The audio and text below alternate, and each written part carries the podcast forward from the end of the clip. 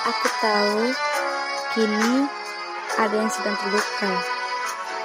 Aku tahu kini ada yang sedang tersakiti.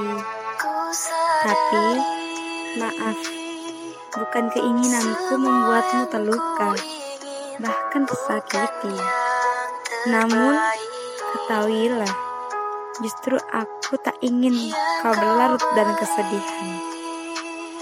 Menghindar dan melupakan.